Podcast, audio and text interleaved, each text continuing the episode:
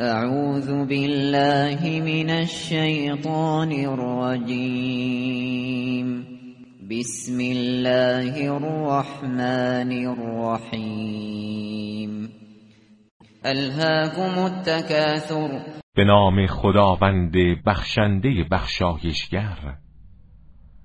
افزون طلبی و تفاخر شما را به خود مشغول داشته و از خدا غافل نموده حتی زرتم المقابر.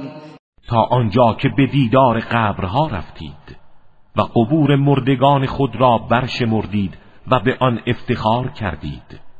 کلا سوف تعلمون.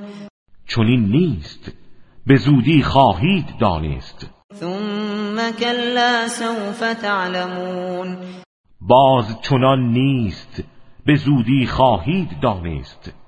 کلا لو تعلمون علم الیقین چنان نیست که شما خیال می کنید اگر شما علم الیقین به آخرت داشتید افزون طلبی شما را از خدا غافل نمی کرد لترون الجحیم.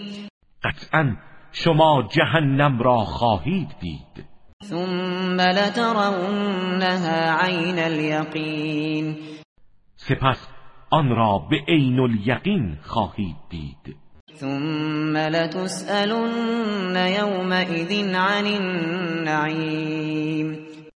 سپس در آن روز همه شما از نعمتهایی که داشته اید بازپرسی خواهید شد.